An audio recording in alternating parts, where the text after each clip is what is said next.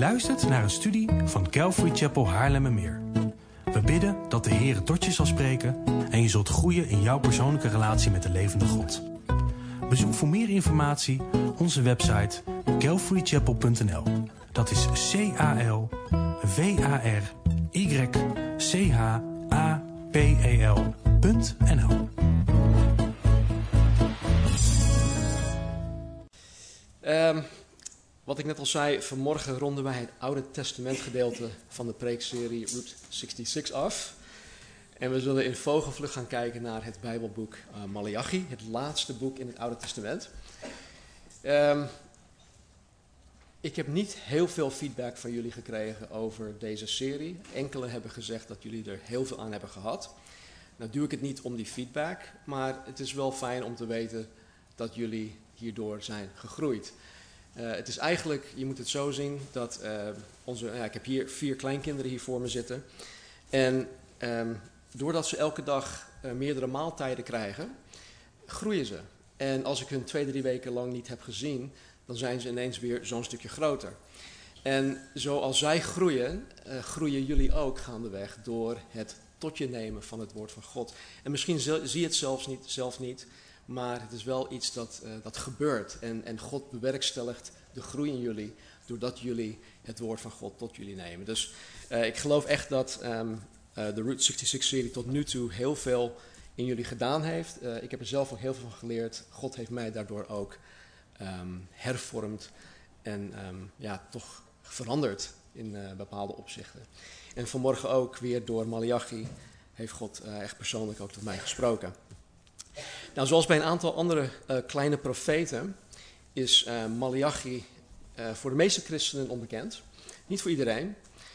ik moet wel zeggen dat er zeker één passage in hoofdstuk 3 voor sommigen wel bekend is. Want deze wordt het vaakst gebruikt of misbruikt door um, zogenaamde welvaartspredikers om van mensen te stelen.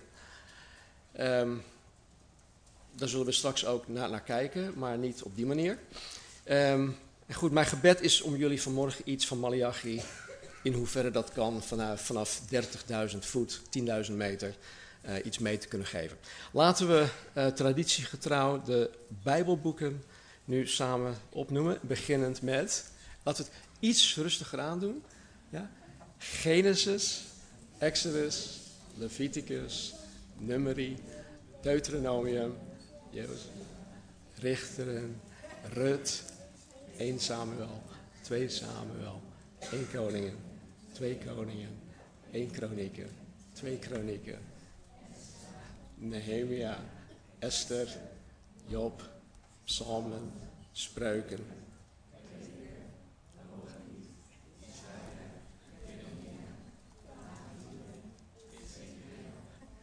Daniel, ja, Hosea, Joel, Amos, Obadja, Jona,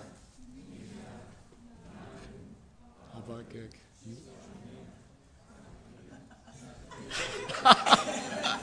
Malachi, yay! het, gaat, het gaat de goede kant op. Nou, ik ga dit vanmorgen voor het laatst zeggen. En dat is dat de profeten, um, die hebben hun bediening uh, uitgevoerd in uh, deze periode. De periode van 48 tot ongeveer 425 uh, voor Christus. In een periode van zo'n 415 jaar. En nogmaals, ik raad jullie echt aan om wanneer je de profeten leest of bestudeert, dat je de relevante passages in de in geel gekleurde boeken ook raadpleegt. Dit is echt nodig voor de context, het is nodig voor de achtergrond.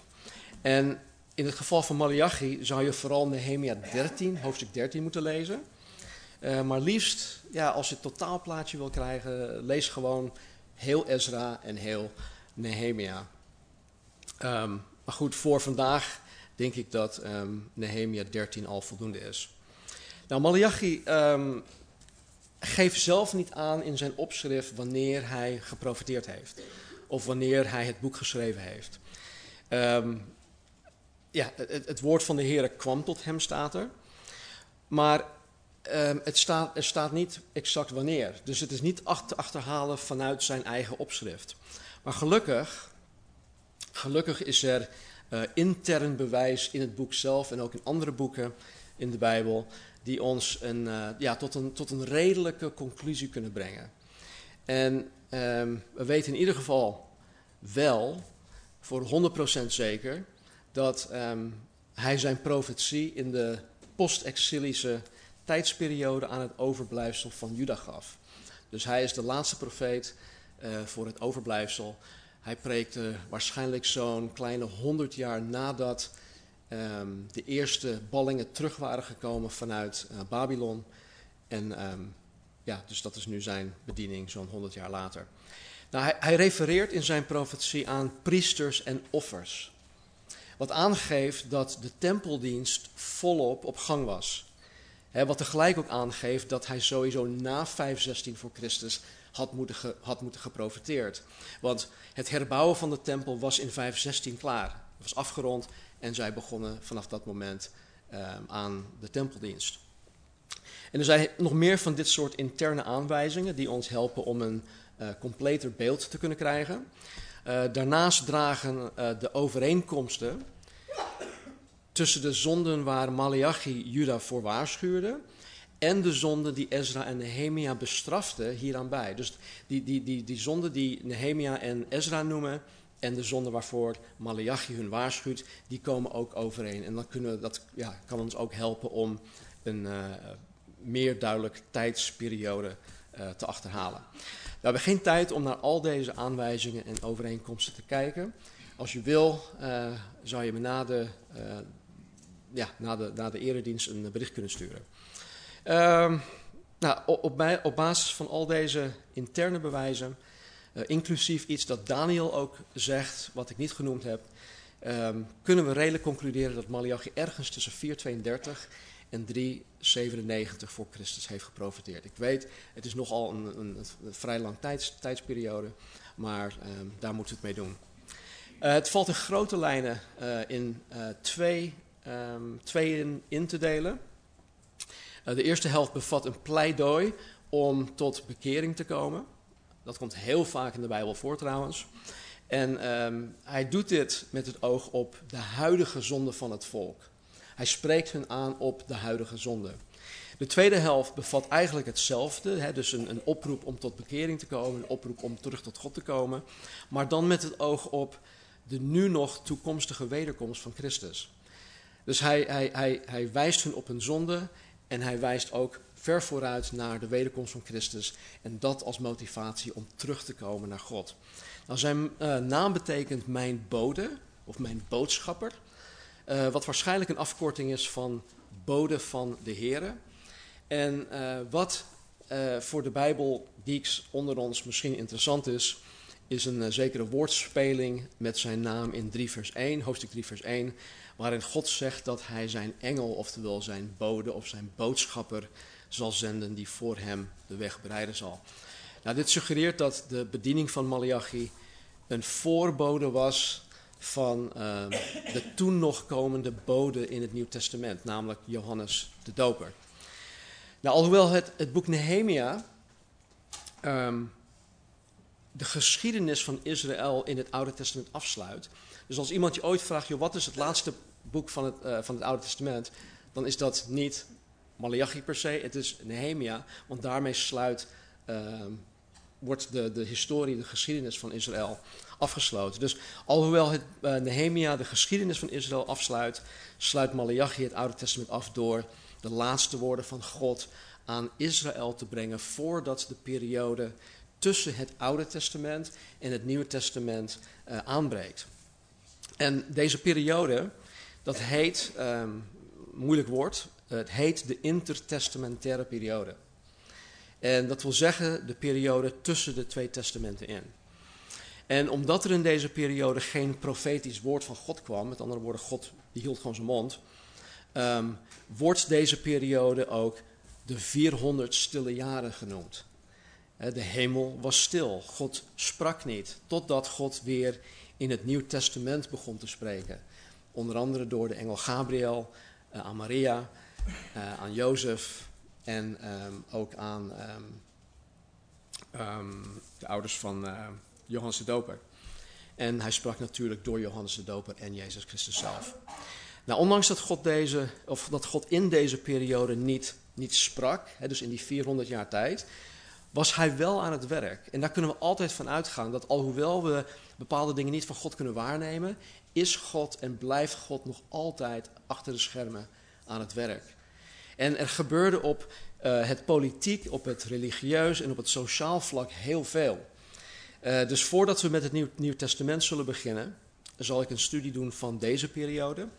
Uh, want ik geloof dat deze achtergrond helpt om het Nieuw Testament gewoon beter te kunnen begrijpen. Dus dat is de reden. Nou, Malachi's stem is dus het laatste wat deze generatie Joden van God te horen kregen. Het was Gods laatste oproep voordat er vanuit de hemel 400 jaar lang radiostilte is.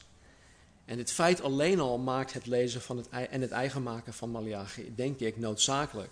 Dus uh, we gaan vanmorgen in vogelvlucht kijken naar deze laatste en uh, essentiële boodschap van, uh, van God door, eigenlijk door alle profeten. hoofdstuk 1, vers 1.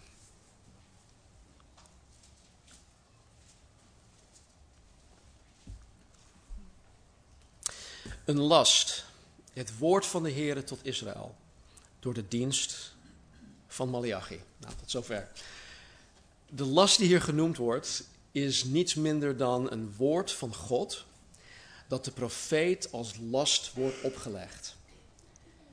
En met andere woorden, God heeft um, Malachi de profetie gegeven en hij moet het van God als een last, moet hij het als een last zelf dragen.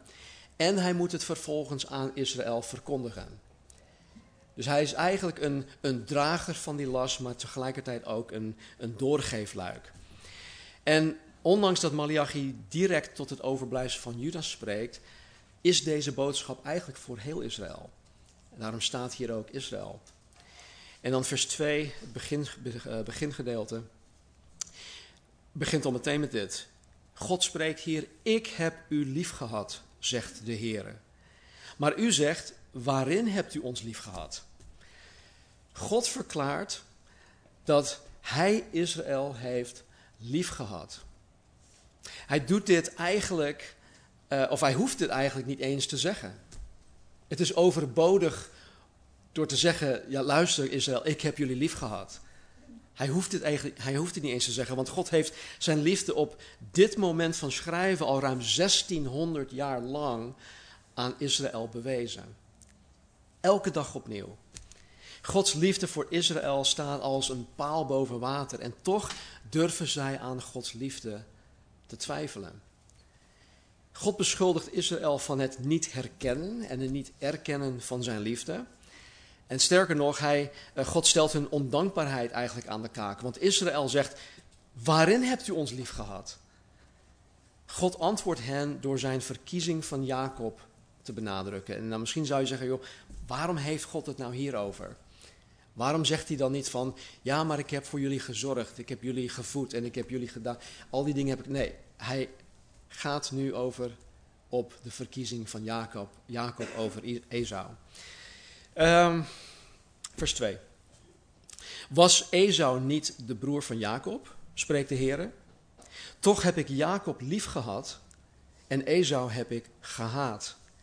Ik heb zijn bergen gemaakt tot een woestenij en zijn erfelijk bezit prijsgegeven aan de jakhalzen van de woestijn. Hoewel Edom zegt, Edoms trouwens, dat zijn de Edomieten, uh, de nakomelingen van Esau. Hoewel Edom zegt, als, hij als wij verwoest worden, bouwen wij de puinhopen weer op.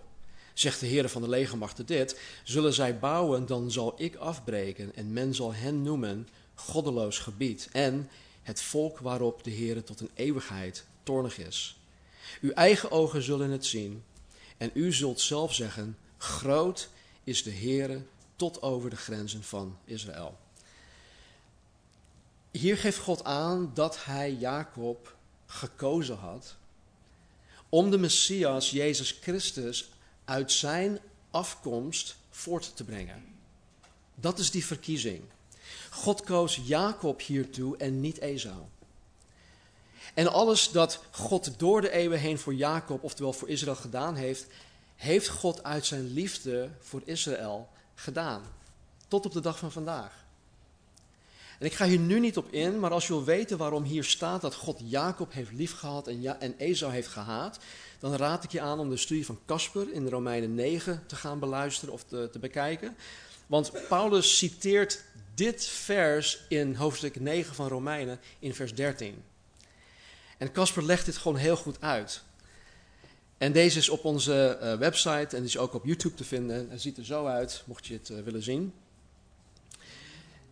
En als je überhaupt ook iets wil weten over Esau, over de Edomieten, um, dan raad ik je aan om mijn studie van Obadja te gaan beluisteren.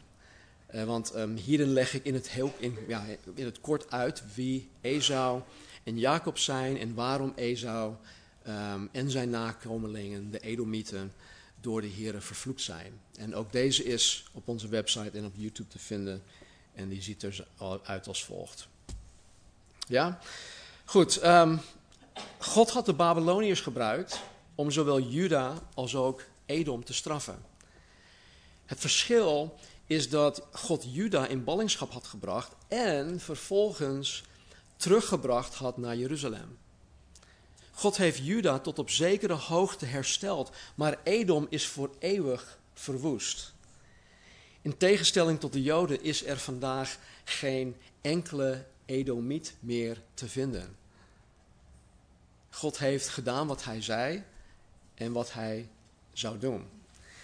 Maar goed, Juda, die was en die is tot op de dag van vandaag nog steeds verblind, want zij zeiden: Waarin heeft God ons lief gehad? Waarin heeft God ons lief gehad? En weet je, ook wij kunnen anno 2022 verblind zijn voor Gods liefde voor ons. Ook wij kunnen momenten hebben waarin wij misschien denken dat God anderen misschien lief heeft, maar niet ons. Ik snap het wel, God heeft die en die en die lief. God heeft Stan misschien wel lief, want hij is voorganger. En André, want hij zingt zo mooi. En hij heeft de Casper lief, want hij doet dit. En, maar, maar, maar mij niet. Dat kan. Mensen hebben dat soort kronkels. Mensen hebben dat soort misvattingen van God. En zoals God hier zijn liefde voor Israël bevestigt door uh, Jacob, door Israël gekozen te hebben, luister goed, bevestigt God ook zijn liefde voor ons door Jacob, door Israël gekozen te hebben.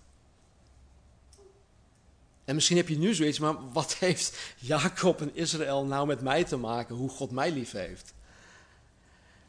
Kijk, doordat God Jacob Israël, of doordat God Jacob of Israël koos, is de Messias, Jezus Christus, 2000 jaar geleden naar de aarde toegekomen om voor jou en voor mij aan het kruis te sterven voor onze zonde. Daarom wijst God op zijn liefde voor ons, op Jacob. Zijn verkiezing voor Jacob. Onze zonden, die ons gescheiden hielden van de God van de Bijbel, dat zijn de zonden waarvoor Jezus Christus aan het kruis is gestorven. Hij heeft het weer mogelijk gemaakt dat wij verenigd kunnen worden met de levende God van de Bijbel. Hij is, hij is gestorven voor onze zonden, zonden waarvoor wij anders zelf de doodstraf opgelegd, opgelegd zouden krijgen. Zonde die ons alleen maar een hopeloos bestaan kan garanderen. Zonde die ons uiteindelijk voor eeuwig gescheiden zou houden van God en van een eeuwig bestaan in al zijn heerlijkheid. Het kruis van Christus wijst ons keer op keer op Gods liefde voor ons. Maar hoe makkelijk is het?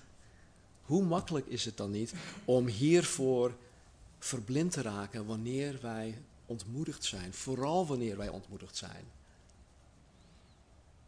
Romeinen 5, vers 7 en 8. Ik lees het nu voor vanuit het boek. Is er iemand die voor een onschuldig mens wil sterven? Nauwelijks. Misschien gaat iemand nog zo ver dat hij zijn leven geeft voor een goed mens. Maar God heeft, zijn, heeft, sorry, God heeft ons zijn grote liefde getoond door Christus te sturen en Hem voor ons te laten sterven toen wij nog schuldige zondaars waren. Denk nu even aan de meest verschrikkelijk mens die jij kan bedenken. De grootste zondaar die jij kan bedenken. Zou, zij, zou jij jouw leven voor die persoon geven? Zou jij het leven van je enige geboren kind geven om die persoon te redden? In Johannes hoofdstuk 15, vers 13 en 14 schrijft, of zegt Jezus dit. Niemand heeft een grotere liefde dan deze. Sorry, niemand heeft een grotere liefde dan deze. Namelijk dat iemand zijn leven geeft voor zijn vrienden. U bent mijn vrienden als u doet wat ik u gebied. Dus als jij op dit moment om welke reden dan ook niet, als je je niet door God geliefd voelt, mediteer alsjeblieft op deze waarheden. Dit is een keihard feit en dit is waarheid. Gevoelens, emoties, die, die liegen soms. Die misleiden ons soms. Dit misleidt ons, dit misleidt ons nooit. Dit is iets dat, dat vaststaat. En als je een vriend van Jezus wil zijn, doe wat hij jou in Gods woord, de Bijbel, gebiedt. Daar is Israël keer op keer de fout in gegaan met alle gevolgen van dien. Maar toch bleef God genadig en nog steeds. In uh, versen 2 tot en met 5 van hoofdstuk 1 geeft God aan dat hij Israël wel degelijk lief heeft en altijd al heeft lief gehad. God heeft zijn liefde voor Israël in alle opzichten en voor al die tijd volkomen bewezen. En, in nu, en nu in de rest van dit hoofdstuk, tot en met hoofdstuk 3, vers 15, laat God Israël zien dat zij juist degene zijn die God niet lief gehad hebben. Hetgeen waar zij God juist van beschuldigen. En God laat hen dit zien door hun hart meerdere malen aan te spreken op hun liefdeloos en traditioneel geloof. Hun godsdienst. God spreekt hen aan. En hoe antwoorden zij God? Met weerwoorden zoals dit. Waarin hebt u ons lief gehad? Waardoor verachten wij uw naam? Waardoor maken wij u onrein? Waarom neemt u onze offers niet aan? Waarmee vermoeien wij u? In welk opzicht moeten wij terugkeren? Waarvan beroven wij u? Wat hebben wij onder elkaar tegen u gesproken? God laat hun duidelijk zien hoe zij God niet lief hebben. Dat is de aanklacht van God. Maar voor elke aanklacht zijn zij verblind. Hun geweten is afgestompt, ze hebben het gewoon zelfs niet eens door. Vandaar deze weerwoorden elke keer. Nou, omwille van de tijd kunnen we niet naar alle aanklachten kijken, dus zullen we uh, slechts een, naar een paar kijken. Uh, wel wil ik uh, de rest van hoofdstuk 1 lezen om uh, iets van de stand van zaken te kunnen proeven. Dus laten we samen lezen vanaf vers 6.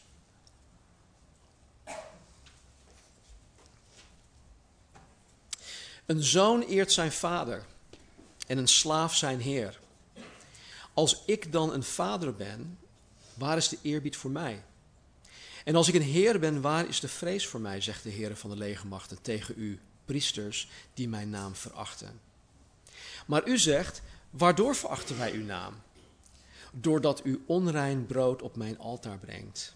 En u zegt, waardoor maken wij u onrein? Doordat u zegt, de tafel van de Heere, die is verachtelijk.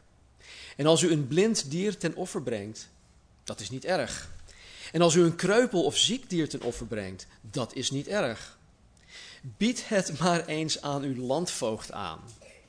Zou hij u goedgezind zijn of u te willen zijn? Dit zegt de Heer van de legermachten. Nu dan, tracht toch het aangezicht van God gunstig te stemmen, dat Hij ons genadig zal zijn. Dit gebeurt door uw hand. Zou Hij u ter willen zijn, zegt de Heer van de legermachten? Was er ook maar iemand onder u die de deuren zou sluiten, dan zou u niet zonder reden mijn altaar aansteken. Met andere woorden, zou, was er maar iemand die de stekker eruit trok hè, van jullie zogenaamde godsdienst. Ik heb geen welgevallen in u, zegt de Heer van de legermachten, en een graanoffer uit uw hand aanvaard ik niet. Want van waar de zon opkomt tot waar hij ondergaat, zal mijn naam groot zijn onder de heidevolken. In elke plaats zal aan mijn naam een reukoffer gebracht worden en een rein graanoffer. Voorzeker, mijn naam zal groot zijn onder de heidevolken, zegt de Heer van de legermachten. Maar u, u ontheiligt hem, dus zijn naam. Wanneer u zegt, de tafel van de Heere die is onrein en wat zij oplevert, haar voedsel is verachtelijk. Verder zegt u, zie wat een vermoeienis, maar u zou het kunnen wegblazen, zegt de Heere van de legermachten. U brengt wat geroofd, kreupel en ziek is. Als u dat graanoffer brengt, zou ik dat uit uw hand aanvaarden, zegt de Heer. Ja, vervloekt is de bedrieger die een mannetjesdier in zijn kudde heeft en een gelofte doet, maar aan de Heere offert wat geschonden is. Voorzeker, ik ben een groot koning, zegt de Heere van de legermachten, en mijn naam is ontzagwekkend onder de volken. Tot zover. We gaan er niet vers voor vers doorheen, maar samenvattend komt het erop neer dat de priesters, die het juist beter moesten weten, de Heere verachten. Zij verachten de Heere. Zij eren en vrezen de enige echte levende God van de Bijbel niet. En dit uitte zich in hoe zij hun bediening uitoefenden. Zij offerden niet, zij offerden niet het allerbeste dat Israël aan God moest offeren. Zij offerden afdankertjes. En ze moesten volgens Leviticus en Deuteronomium de beste dieren aan God offeren. Het moest hun, het moest de offeraar iets kosten. Maar ze namen van de mensen als het ware oud brood aan, oud brood, eh, dat we vroeger aan eenden zouden geven. Eh, vandaag de dag mag je geen brood meer aan eenden geven, want het is slecht voor de eenden. Maar vroeger dus of of het, het zijn die dingen die wij anders naar de kringloop zouden brengen. Het heeft geen waarde meer voor ons. Het is voor ons niet meer bruikbaar. Ik ben er klaar mee, ik heb het niet meer nodig, dus ik breng het naar de kringloop. Dat waren de dingen die zij aan God offerden. Het is, weet je, het is zonde om weg te gooien, dus, dus geven wij het maar aan God. Het kostte hun dus niets. En het offeren betekent per definitie een offer, het moet jou iets gaan kosten. In, in een van de evangeliën komt er een, eh, een, een arme weduwe. En die geeft maar twee kleine muntstukjes als tempelbelasting, of voor de tempelbelasting. En Jezus zegt van deze vrouw dat zij meer geeft dan allen die met zulke volle zakken geld kwamen kwamen. Waarom? Omdat zij uit haar, niet uit haar overvloed gaf, maar juist wat zij nodig had om te kunnen leven, daarvan gaf zij. Het kostte haar heel veel. En daarom zei Jezus van haar, zij heeft veel meer gegeven dan wie dan ook. En ook ontheiligden de priesters de grote naam van God Almachtig en zagen hun bediening als één grote vermoeienis en last. Het wegblazen, wat in vers 13 staat, zou je kunnen zien als het zuchten als je iets niet wilt doen. Jullie die pre-tieners hebben of tieners hebben, weten wat dat is. je vraagt je kind om iets te doen.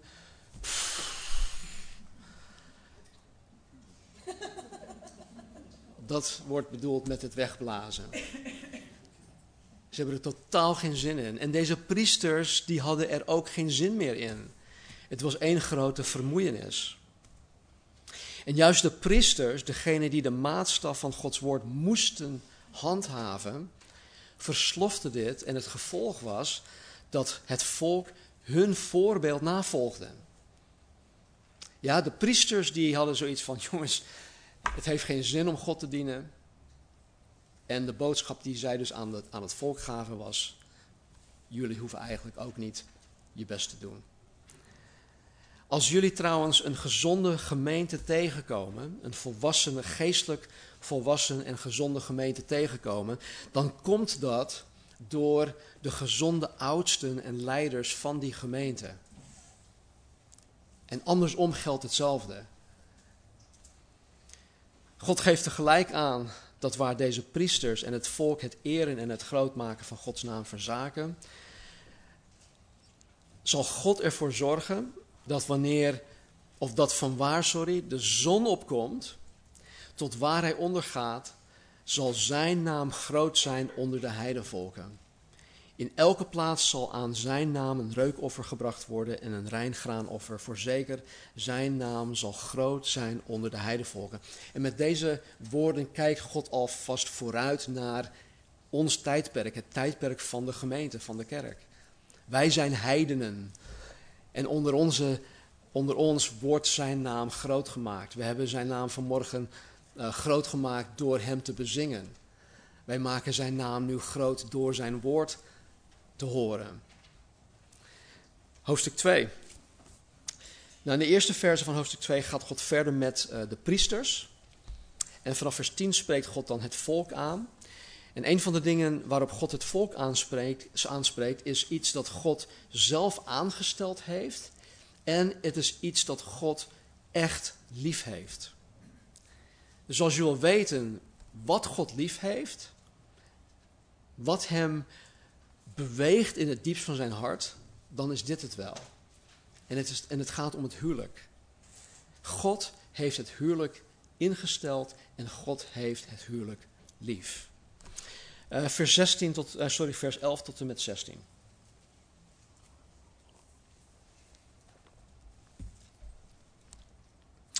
Juda handelt trouweloos. En er wordt een gruweldaad begaan in Israël en in Jeruzalem. Want Juda ontheiligt het heilige van de Heere dat hij lief heeft. Hij is met de dochter van een vreemde God getrouwd. Mogen de Heere en ieder die dat doet uitroeien uit de tenten van Jacob. Wie waakt en wie antwoordt, zelfs wie een graanoffer brengt aan de Heere van de legermachten. In de tweede plaats doet u dit. Het altaar van de Heere bedekken met tranen, met geween en met gekerm, omdat hij zich niet langer tot het graanoffer wendt en dat in welgevallen uit uw hand neemt of aanneemt. Dan zegt u, waarom? Omdat de Heere getuige is tussen u en de vrouw van uw jeugd, tegen wie u trouweloos handelt, terwijl zij toch uw metgezellin en de vrouw van uw verbond is. Heeft hij er niet maar één gemaakt? Of heeft hij het uh, echtpaar niet één gemaakt? Hoewel hij nog geest over had, ook één geest te zijn. En waarom die ene? En nu komt het.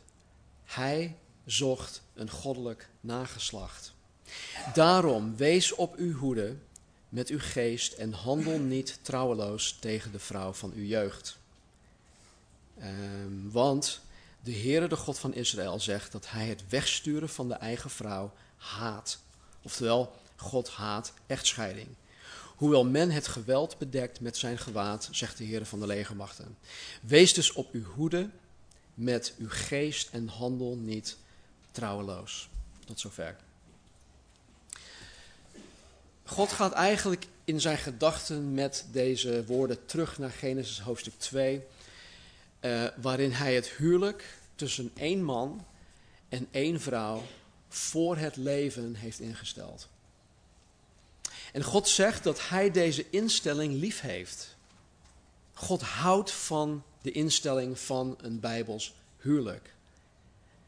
En hij heeft hiervoor zeer precieze voorwaarden gegeven. Mensen maken er vandaag de dag gewoon van alles van. Maar we kunnen wat de mens in de wereld ervan maakt, geen huwelijk noemen.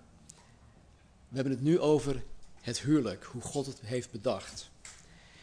De reden voor deze precieze voorwaarden is omdat het Bijbels huwelijk om veel meer gaat dan alleen de relatie tussen man en vrouw. God geeft in vers 15 aan dat hij het huwelijk met precieze voorwaarden heeft ingesteld omdat hij een goddelijk nageslacht wil hebben. God wil een, een goddelijk nageslacht hebben. Met andere woorden, God wil dat man en vrouw op één lijn zitten, op één lijn, voor wat betreft hun geloof, hun godsdienst en hoe zij hun kinderen opvoeden. opvoeden. Even heel praktisch. Het mag nooit zo zijn dat een kind aan papa vraagt: Hey papa, mag dit? Ja, mag het van mama? Nee. Uh, ja, nou, is oké, van mij mag het wel. nee, als het van mama niet mag, mag het van papa ook niet en vice versa.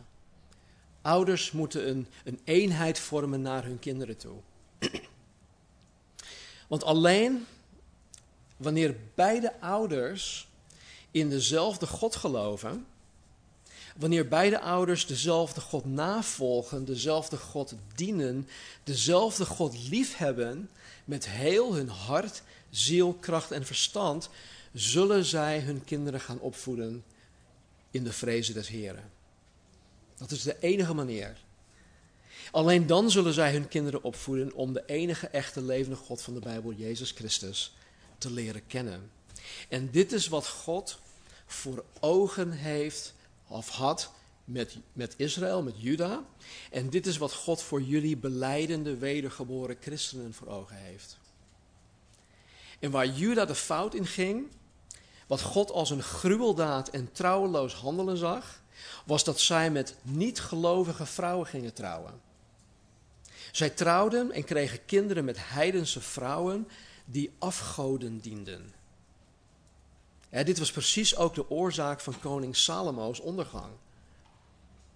En ja, hoe zou je dat vandaag de dag moeten zien? Nou, als ik als wedergeboren man, wedergeboren mens, stel dat ik nu een twintiger was en ik was op zoek naar een, een, een, een echtgenote, dan moet zij net zoveel of zelfs meer van God houden dan van mij.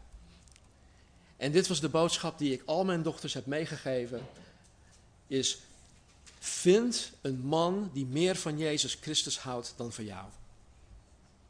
Want dan en dan alleen zullen jullie in staat zijn niet alleen om Gods doel voor het huwelijk te kunnen volbrengen, maar dan zullen jullie ook het doel voor Gods um, opvoeding van jullie kinderen kunnen volbrengen. Jullie die Nehemia 13 hebben gelezen, hebben vast wel opgemerkt dat Nehemia een bijzondere uh, manier van counseling had op dit gebied. Uh, hij, hij legde letterlijk de handen op. Er staat in vers 25 dat hij sommige van deze mannen sloeg en dat hij zelfs de haren uit hun hoofd trok. Ik denk dat het toch wel beter is of makkelijker is om bij mij op de bank te zitten hè, dan, uh, dan uh, Nehemia's manier van bijbelse counseling. Maar goed, in vers 13 geeft God aan dat Juda het altaar van de Here bedekken met tranen, met geween en gekerm. En helaas, um, en dit is wel goed om te noteren, helaas staat het in de herziene statenvertaling en ook vrijwel alle andere Nederlandse vertalingen, um, omdat God hun offers niet aanneemt. dus uh, Juda bedekt het altaar van de Here uh, met tranen, met geween en gekerm, omdat God hun offers niet aanneemt. Um, een alternatieve vertaling is in mijn optiek beter. Doe daarmee wat je wil. Want het geeft aan dat God hun offers niet aanneemt omdat zij het altaar bedekken met tranen, met geween en gekerm. En ik geloof dit, ik geloof dat dit een betere vertaling is van de grondtekst, want in de versen die hierna komen wordt dit principe toegelicht. Juda vraagt in vers 14 waarom God hun offers niet aanneemt. En dan antwoordt God met deze woorden. Waarom? En dan komt het. Omdat de Heere getuige is tussen u en de vrouw van uw jeugd, tegen wie u trouweloos handelt, terwijl zij toch uw metgezellin en de vrouw van uw verbond is. De mannen verachten hun vrouwen. Zij behandelden hen als vuil. Zij stoten hun af. Ze lieten hun vrouwen aan hun lot over. En het gevolg van dit trouweloos handelen jegens hun vrouwen was dat, heel logisch, dat de harten van deze vrouwen die waren gebroken. Ze waren diep en diep verdrietig. En zij, de vrouwen, waren eigenlijk degenen die het altaar van de Here bedekten met tranen, geween en gekerm. Omdat die mannen hun mishandelden. Zij handelden trouweloos. En daarom aanvaarde God hun offerandes niet.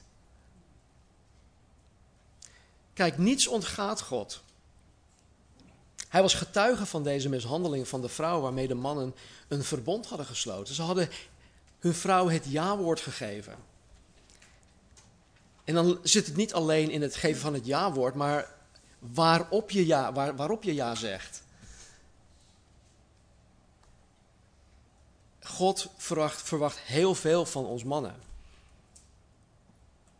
In Efeze 5 staat dat wij onze vrouwen lief moeten hebben zoals Jezus Christus de gemeente lief heeft. Ik ben daar zelf niet toe in staat. Het is iets dat God in mij en door mij heen moet doen. En dat, dat is waarop ik ja heb gezegd. En dat is waarop de Judese mannen ja hebben gezegd. Maar zij hadden hun belofte, hun gelofte, het verbond hadden zij verbroken. En dit is de reden waarom God hun offers niet aannam. Nou, wat ik al eerder zei, gaat het huwelijk niet om ons. Het huwelijk gaat uiteindelijk om God. Als we teruggaan naar Genesis 2, dan zien wij dat God de mensheid en de samenleving uh, niet was begonnen, of althans, hij was niet begonnen um, door eerst een regering of een overheid te creëren. Toch? Nee, God begon met het huwelijk. Hij begon de samenleving, hij begon um, ja, de samenleving, de mensheid te creëren door het huwelijk te creëren. Niet een overheid, niet een regering. En daarom staat het Bijbels huwelijk, denk ik, zo onder vuur. Het huwelijk staat onder vuur. Ik weet dat jullie dit elke dag kunnen beamen. Het Bijbels huwelijk is namelijk de pijler van de maatschappij. En ook daarom staat het Bijbels huwelijk onder vuur. Dus jullie beleidende, of jullie die beleidende christenen zijn, en ik wijs hier niemand mee aan, als jullie daar een potje van maken, van jullie huwelijk, zoek alsjeblieft bijbelse hulp. Zoek hulp. Jullie kunnen het niet zelf. Ik kan het ook niet zelf. Marnie en ik kunnen het niet zelf. Het gaat niet om jullie blijdschap. Het huwelijk gaat niet om jullie geluk. Het gaat om God en er staat veel meer op het spel. Lees hoofdstuk 5 van uh, Efeze, vanaf vers 21 tot en met het einde. Hoofdstuk 3. In het eerste vers van hoofdstuk 3 kondigt God de komst van Johannes de Doper en ook de eerste komst van Jezus Christus aan. En daar staat dit. Uh, even kijken. Zie, ik zend mijn engel die voor mij de weg bereiden zal. Plotseling zal naar zijn tempel komen, die de Heere die u aan het zoeken bent, de engel van het verbond in wie u uw vreugde vindt. Zie, hij komt, zegt de Heere van de legermachten. Nou, even dit. Het woord engel betekent simpelweg bode of boodschapper. Dus het is niet per se een engel met vleugeltjes. Het is een boodschapper. En um, Johannes de Doper is dus de boodschapper die de weg voor Jezus bereidt. Dat staat ook uh, meerdere, op meerdere plekken in het, uh, in. En de engel van het verbond is Jezus zelf, de boodschapper van het verbond, uh, van het woord van God dat hij overal predikte. In vers 2 tot met 5 kondigt God de wederkomst van Christus aan. In versen 6 en 7 roept God Juda op om zich terug te keren naar God. In versen 8 tot en met 12 verklaart God dat Juda hem, uh, dat God Juda hem, dus God berooft, uh, berooft uh, doordat zij hun tienden en hefoffers niet naar het huis van God brachten. deze offergaven die waren bedoeld om de priesters te voorzien van voedsel. Ja, deze offergaven, de tienden, waren bedoeld om de priesters, de levieten, te voorzien van voedsel, van eten. Deze offergave was waar de priesters van leefden. En volgens Nehemia 13 moesten deze priesters bijbaantjes onderhouden. Zij moesten weer gewoon buiten hun tempeldienst, moesten ze ergens anders gaan werken om voor zichzelf en voor hun gezinnen te voorzien in hun levensbenodigdheden. En dat was totaal niet Gods bedoeling hiermee. De levieten, de priesters, moesten onderhouden worden door het volk dat zij dienden. Maar het volk verzaakte hun plicht hierin, waarvan God zegt: Jullie beroven mij. Maar goed, God laat het daar niet bij. Hij daagt het volk uit. Hij zegt om God hierin te beproeven. als, als het volk hun plicht, uh, dus koste wat kost nakomt, dan zal God als het ware de, de vensters van de hemel openen en zegen over het volk uitgieten, zodat er geen schuren genoeg zijn om alles dat de Heer hun zal geven te kunnen bergen. Zo overvloedig belooft de Heer het volk te zegenen, als zij zich aan deze plicht houden. In het laatste stuk van hoofdstuk 3 klaagt God het volk opnieuw aan. En een van de aanklachten is dat het volk zegt dat het nutteloos is om God te dienen. Ze zeggen gewoon keihard: het is nutteloos om God te dienen. Maar zoals altijd is er een overblijfsel van mensen die God trouw zijn. En deze sluiten het hoofdstuk af met deze woorden. Zo mooi. Dan spreken zij, dus die overblijven, een klein groep mensen. Dan spreken zij die de Heere vrezen, ieder tot zijn naaste. De Heere slaat er acht op en luistert. Er is een gedenkboek geschreven voor zijn aangezicht, voor wie de Heere vrezen en wie zijn naam hoogachten. Hier staat dus, en ik, ik weet niet of dat letterlijk zo is, maar God houdt bij wie hem vrezen en wie zijn naam hoogachten. Dus mocht er letterlijk een register zijn met deze namen, zorg er gewoon koste wat kost voor dat ook jouw naam in dit gedenkboek geschreven staat. Hoofdstuk 4 eindigt, met, uh, of eindigt deze profetie van Malachi en eigenlijk het profetisch woord van God met de nadruk op de wederkomst van Jezus Christus. En wat opvallend is, is dat God zelf, uh, of God zegt dat hij de profeet Elia zal zenden voordat de dag van de Heer komt. Dacht van, hij gaat de profeet Elia zenden. Hoe ziet dat eruit? Nou, tot meerdere malen toe leren de evangelie ons dat Johannes de Doper gelijk wordt gesteld aan de profeet Elia. En ja, nu zijn er sommigen die uh, hierdoor zeggen dat de Bijbel zelf leert over reïncarnatie. want uh, Johan, of, sorry, Elia is dan weer een reïncarnatie, of nee, Johannes de Doper is een reïncarnatie van uh, Elia. Maar dat is onzin. De Bijbel leert ons dat absoluut niet. Reïncarnatie bestaat niet. Het Nieuw Testament geeft simpelweg aan dat wat Malachi hier voorspelt vervuld werd in de persoon Johannes de Doper. Nou, tot slot dit. Als we nu even een moment stilstaan bij het feit dat het Oude Testament eindigt met de wederkomst, of de nu nog toekomstige wederkomst van Jezus Christus.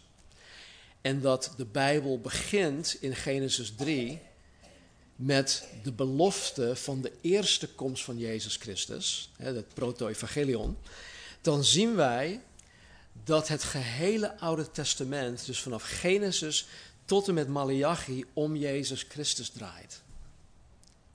Het gehele Oude Testament draait om Jezus Christus. Hij is de Alpha en de Omega. Hij is het begin en het eind. En wat Juda als ontmoedigd volk nodig had, was om zich te richten op Jezus, de toekomstige Jezus. En hoe, hoe zouden zij dat doen? Door tot God terug te keren. Zij zijn ontmoedigd. Honderd jaar daarvoor kregen ze van Zacharia en Haggai te horen: hey, de Messias komt eraan. Nu zijn er honderden jaren voorbij gegaan. Ze zitten nog steeds in één grote hoop ellende. Ze zijn ontmoedigd, ze zondigen. En wat zegt God? Richt je op Jezus. Niet letterlijk in die woorden, maar daar komt het wel op neer. Uh, laatste slide. Malachi, hoofdstuk 3, vers 6 en 7. Want ik, de Heere, ben niet veranderd. U, kinderen van Jacob, bent daarom niet omgekomen. Sinds de dagen van uw vaderen bent u afgeweken van mijn verordeningen en hebt u ze niet in acht genomen. Keer terug naar mij en ik zal naar u terugkeren, zegt de Heere van de legermachten. Nogmaals, Juda was zwaar ontmoedigd omdat hun levenssituatie slecht was. En de, de beloofde, de, de lang beloofde Messias, hij liet maar niets van zich horen. Zij hadden de hoop als het ware opgegeven. En het gevolg daarvan was dat zij onverschillig raakten en tegen de Here gingen zondigen. Voor een gevoel maakte het eigenlijk helemaal niks uit. het maakte niks uit. En dat is juist het gemene en het gevaarlijke van ontmoediging. Het maakt je onverschillig. Het kan je zelfs boos op God maken. En het kan ervoor zorgen dat je die boosheid op allerlei verschillende manieren kan rechtvaardigen. En niet voor niets zegt Paulus: word boos, maar zondig niet. Meer dan ooit tevoren moesten de Joden in deze periode uit geloof leven. Want Gods aanwezigheid was niet in deze tempel die 100 jaar daarvoor gebouwd was. Of 80 jaar daarvoor. Er staat nergens dat zijn aanwezigheid teruggekeerd of terugkeerde in deze herbouwde tempel. Hij zou pas weer de tempel inkomen wanneer Jezus er zo'n 400 jaar later pas inkwam. De glorie keerde terug toen Jezus de tempel binnenstapte. Dus als jij ontmoedigd bent, er is een hele simpele remedie. Keer je terug naar Jezus. Ik weet dat, dat, dat de drempel misschien zo hoog staat. Maar dat is echt de enige manier. Als je dat niet doet, dan zal je beetje bij beetje steeds verder van Hem afdwalen. Zo werkt dat nou eenmaal. En wat je nu misschien nog als zonde ziet, en waarvan je nu denkt dat je die zonde nooit zou begaan, zal uiteindelijk gewoon voor je worden en zal je ongetwijfeld, ongetwijfeld de fout ingaan door die zonde te begaan. Dus keer je alsjeblieft terug. Laten we bidden. Hemelse Vader, dank u wel voor uw trouw, dank u wel voor uw woord, dank u wel dat het hele Oude Testament om Jezus Christus draait. Help ons dan ook om het Oude Testament met die bril op te gaan lezen.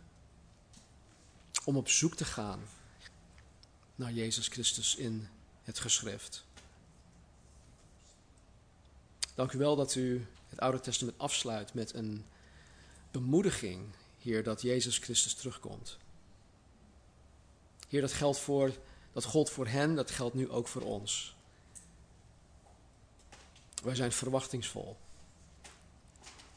En Heer, ik zie echt uit naar het moment dat u de kerk opneemt. En dat u daarna weer terugkomt.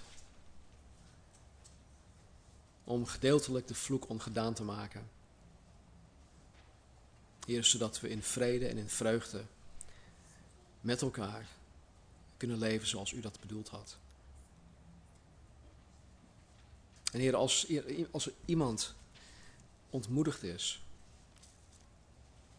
als er iemand door die ontmoediging ook in zonde leeft,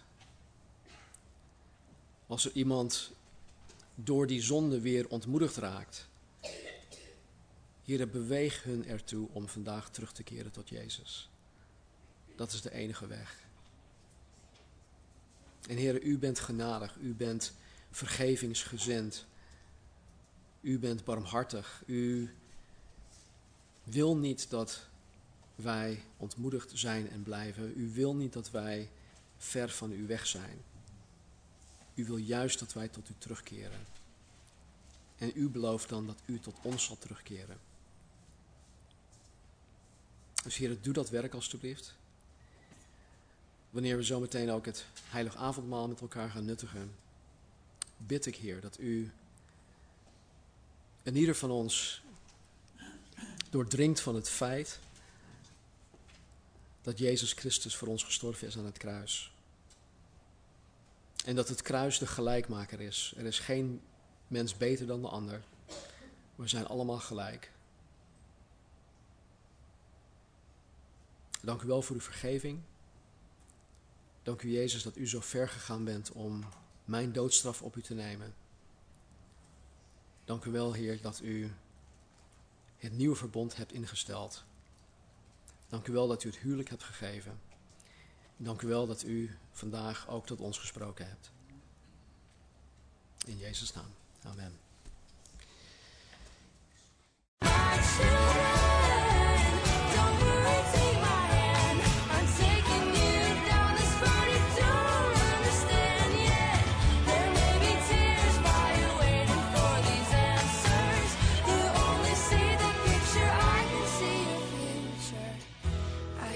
tell you right now, it's gonna be all